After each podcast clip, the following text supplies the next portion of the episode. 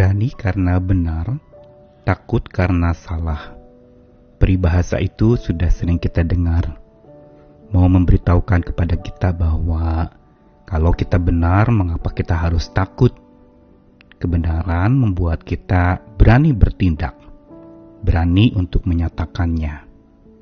Kecuali bila kita salah atau melakukan sebuah kekeliruan, bisa jadi kita boleh-boleh saja menjadi takut. Namun hari ini saya mau memperkenalkan satu peribahasa yang senada dengan itu. Tumbuh karena berani, tumbang karena takut. Pepatah ini saya buat sendiri dengan memberitahukan kepada kita semua bahwa untuk iman itu tumbuh, maka dibutuhkan keberanian. Keberanian untuk bergerak, melangkah, dan berjalan. Bahkan kalau perlu berlari dengan kata lain bahwa iman itu baru bisa tumbuh kalau ia bergerak, tidak jalan di tempat saja, atau tidak diam saja, atau tidak bungkam seribu bahasa. Tumbuh karena berani, tumbang karena takut, itu bisa terjadi di dalam iman kita. Mengapa demikian? Karena kitab suci banyak sekali mencatat pengalaman-pengalaman para tokoh iman yang bertumbuh justru lewat tindakan dan kegerakan mereka yang berasal dari iman. Dan di situlah iman mereka justru baru menjadi tumbuh. Tapi orang-orang yang takut bertindak karena imannya, maka iman itu tidak akan pernah bisa tumbuh. Mari kita mau belajar tumbuh karena berani. Saya Nikolas Kurniawan menemani lagi dalam Sabda Tuhan hari ini. Dalam rangkaian di hari-hari ke depan ini kita akan melihat tokoh-tokoh iman dalam kitab suci, bagaimana mereka bisa bertumbuh lewat tindakan dan gerakan iman yang mereka lakukan. Hari ini dari Markus pasal yang ketiga ayat 1 sampai yang ke-6. Kemudian Yesus masuk lagi ke rumah ibadat.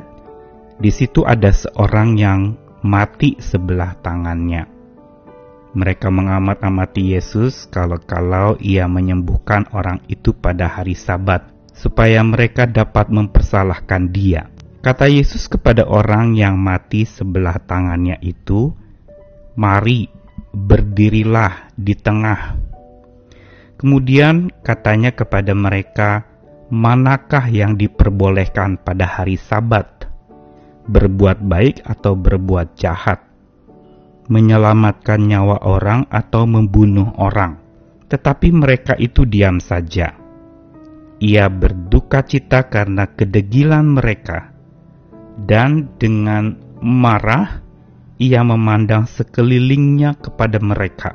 Lalu ia berkata kepada orang itu, "Ulurkanlah tanganmu." Dan orang itu mengulurkannya, maka sembuhlah tangannya itu. Lalu keluarlah orang-orang Farisi dan segera bersekongkol dengan orang-orang Herodian untuk membunuh Yesus.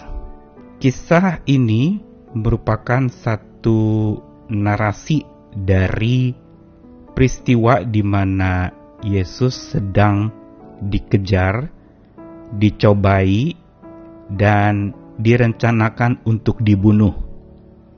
Karenanya kesalahan-kesalahan Yesus itu dicari-cari oleh banyak orang pada waktu itu.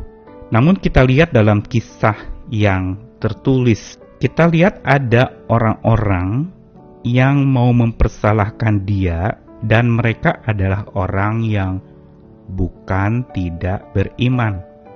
Mereka punya iman, punya keyakinan kepada Allah mereka.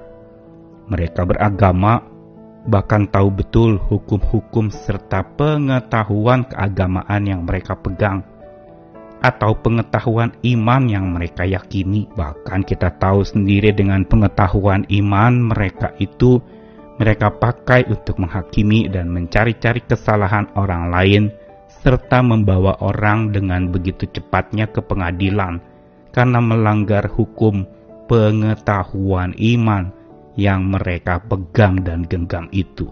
Sementara Yesus justru datang mengajarkan sebuah dimensi iman yang dalam. Dimensi iman yang bukan sekedar berbicara tentang pengetahuan semata, bukan ilmu-ilmu atau teori belaka, tetapi sebuah iman yang nyata Karenanya kita lihat bagaimana reaksi Yesus pada saat orang-orang itu datang mau mempersalahkan dia. Dan pas pada waktu itu ada seorang yang mati sebelah tangannya. Dia minta orang itu untuk berdiri di tengah supaya bisa dilihat banyak orang. Hari itu adalah hari Sabat dan pengetahuan iman orang-orang yang mau menyalahkan Yesus itu adalah mengatakan bahwa hari Sabat tidak boleh untuk melakukan tindakan apa pun. Harus beristirahat sesuai dengan perintah Tuhan. Dan di sinilah Tuhan Yesus justru dikatakan begitu berduka cita karena kedegilan mereka, serta marah karena memandang mereka itu. Mengapa Yesus marah? Karena orang-orang itu punya pengetahuan iman tapi tidak punya tindakan iman. Mereka tahu banyak tetapi mereka justru berbuat jahat dengan apa yang mereka tahu.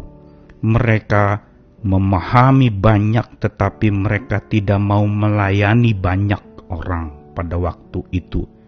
Yang ada mereka malah menghakimi. Di sini Tuhan begitu bersedih dan melihat kedegilan hati orang-orang yang hanya punya pengetahuan iman tapi tidak mengalami pertumbuhan iman. Karenanya dia meminta seorang yang sedang sakit tangannya. Dia suruh berdiri di tengah dan orang itu berdiri. Dia suruh ulurkan tangannya dan tangan orang itu diulurkannya. Maka sembuhlah tangan orang itu. Yesus ingin memperagakan satu hal yang penting yaitu bahwa iman tumbuh bukan berawal dari pengetahuan.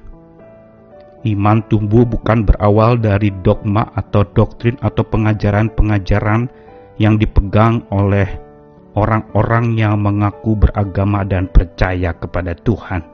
Tetapi iman justru kitab suci mencatatkannya tumbuh dan berawal dari keberanian bertindak sesuai dengan apa yang Tuhan minta. Dan orang yang tadinya sakit tangannya itu menjadi sembuh karena dia bertindak, berani melakukan apa yang Tuhan minta di hadapan banyak orang pula. Dari sini kita bisa melihat bahwa inilah prinsip pertumbuhan iman yang penting. Iman itu seperti otot semua kita punya otot-otot di dalam tubuh kita. Tapi kalau itu tidak digerakkan dan tidak dilatih, dia akan menjadi kaku. Bahkan jangan kaget kalau kita bisa menjadi sakit karena otot-otot kita jarang kita latih. Begitu pula iman kita. Kalau iman kita nyatakan lewat tindakan ketaatan sesuai dengan apa yang Tuhan mau, maka di situlah pertumbuhannya akan terjadi. Namun bila kita hanya puas sebatas mengetahui semata saja, mengetahui lalu memakai pengetahuan kita untuk menjadi tindakan arogansi dan kesombongan, menghakimi serta menilai atau menjatuhkan orang lain dengan pengetahuan iman itu, maka kita siap-siap tumbang imannya. Tumbuh karena berani tumbang karena takut bertindak. Karena itu lakukanlah tetap iman yang engkau percayai itu dalam tindakan yang nyata, supaya ia tumbuh karena engkau berani bertindak. Amin.